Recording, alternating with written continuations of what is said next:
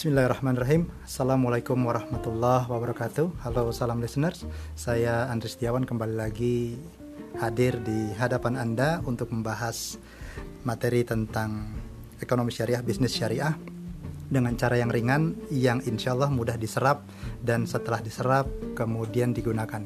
Setelah digunakan kemudian sahabat bisa bagikan apa yang sahabat dengar ini seperti janji saya sebelumnya bahwa kita akan membahas lebih tentang kalau kemarin kita bicara tentang why syariah insurance dan kita juga menyinggung tentang goror maisir dan riba kita akan masuk ke satu dari tiga tersebut yaitu goror.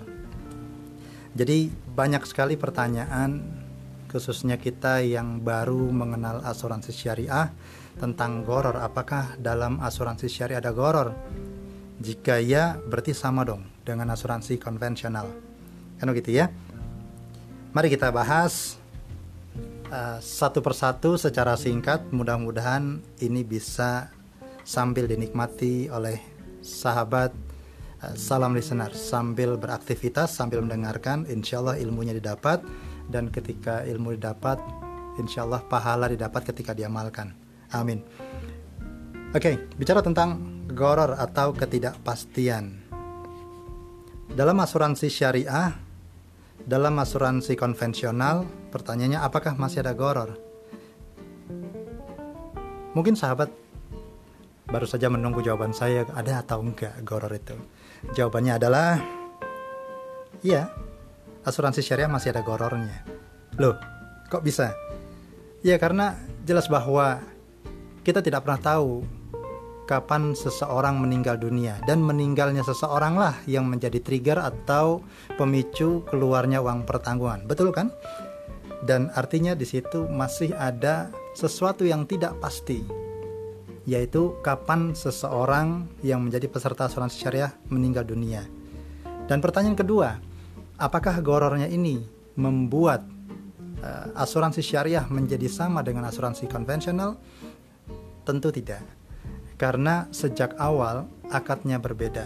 Bicara tentang asuransi konvensional bahwa akadnya jual beli, nanti silakan sahabat salam listeners cari di Google KUHD 246 Kitab Undang-Undang Hukum Dagang nomor 2 pasal 246 di sana akan dijelaskan bahwa asuransi adalah pertanggungan yang di dalamnya ada tukar menukar antara premi dengan uang pertanggungan.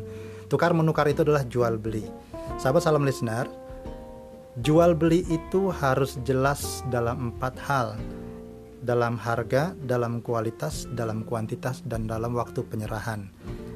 Jika asuransi konvensional adalah jual beli, maka asuransi konvensional yang pertama batal secara syariah dalam hal penyerahan barangnya. Kita tidak pernah tahu kapan uang pertanggungan diserahkan bisa jadi baru bayar sekali preminya kemudian meninggal dunia atau nasabah B e, bayar sampai 10 tahun tidak meninggal-meninggal di tahun ke-11 baru meninggal dan uang pertanggungannya sama misalnya. Artinya barang atau uang pertanggungan tersebut tidak jelas kapan diberikan, kapan diserahkan kepada yang berhak. Dan tentu itu akan berdampak pada goror dalam hal harga.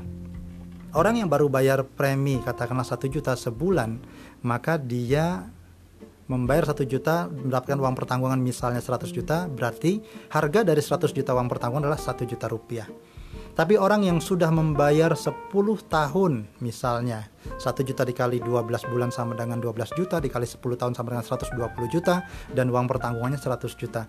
Maka ini harganya tidak jelas. Ada yang bayar 1 juta untuk 100 juta ada yang bayar 120 juta untuk 100 juta misalnya.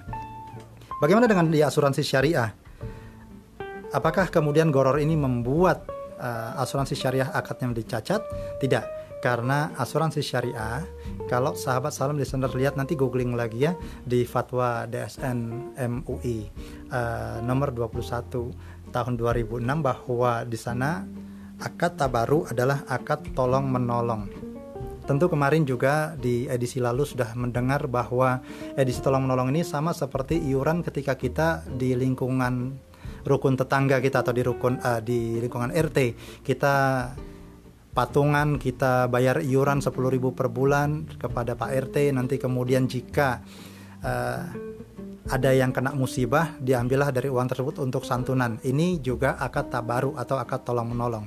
Dari akad tabaru ini berarti goror dalam akad tabaru itu tidak merusak akadnya tidak membuat akad tabaru itu atau asuransi syariah menjadi sama kedudukannya dengan asuransi konvensional begitu salam listeners jadi insya Allah penjelasannya sangat singkat dan ringan bahwa goror dalam asuransi syariah ada? Iya, tapi goror tersebut tidak membuat asuransi syariah menjadi haram.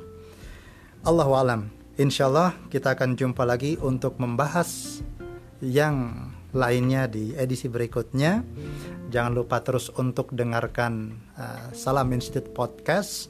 Teruslah untuk belajar karena belajar nggak ada batasnya. Wassalamualaikum warahmatullahi wabarakatuh.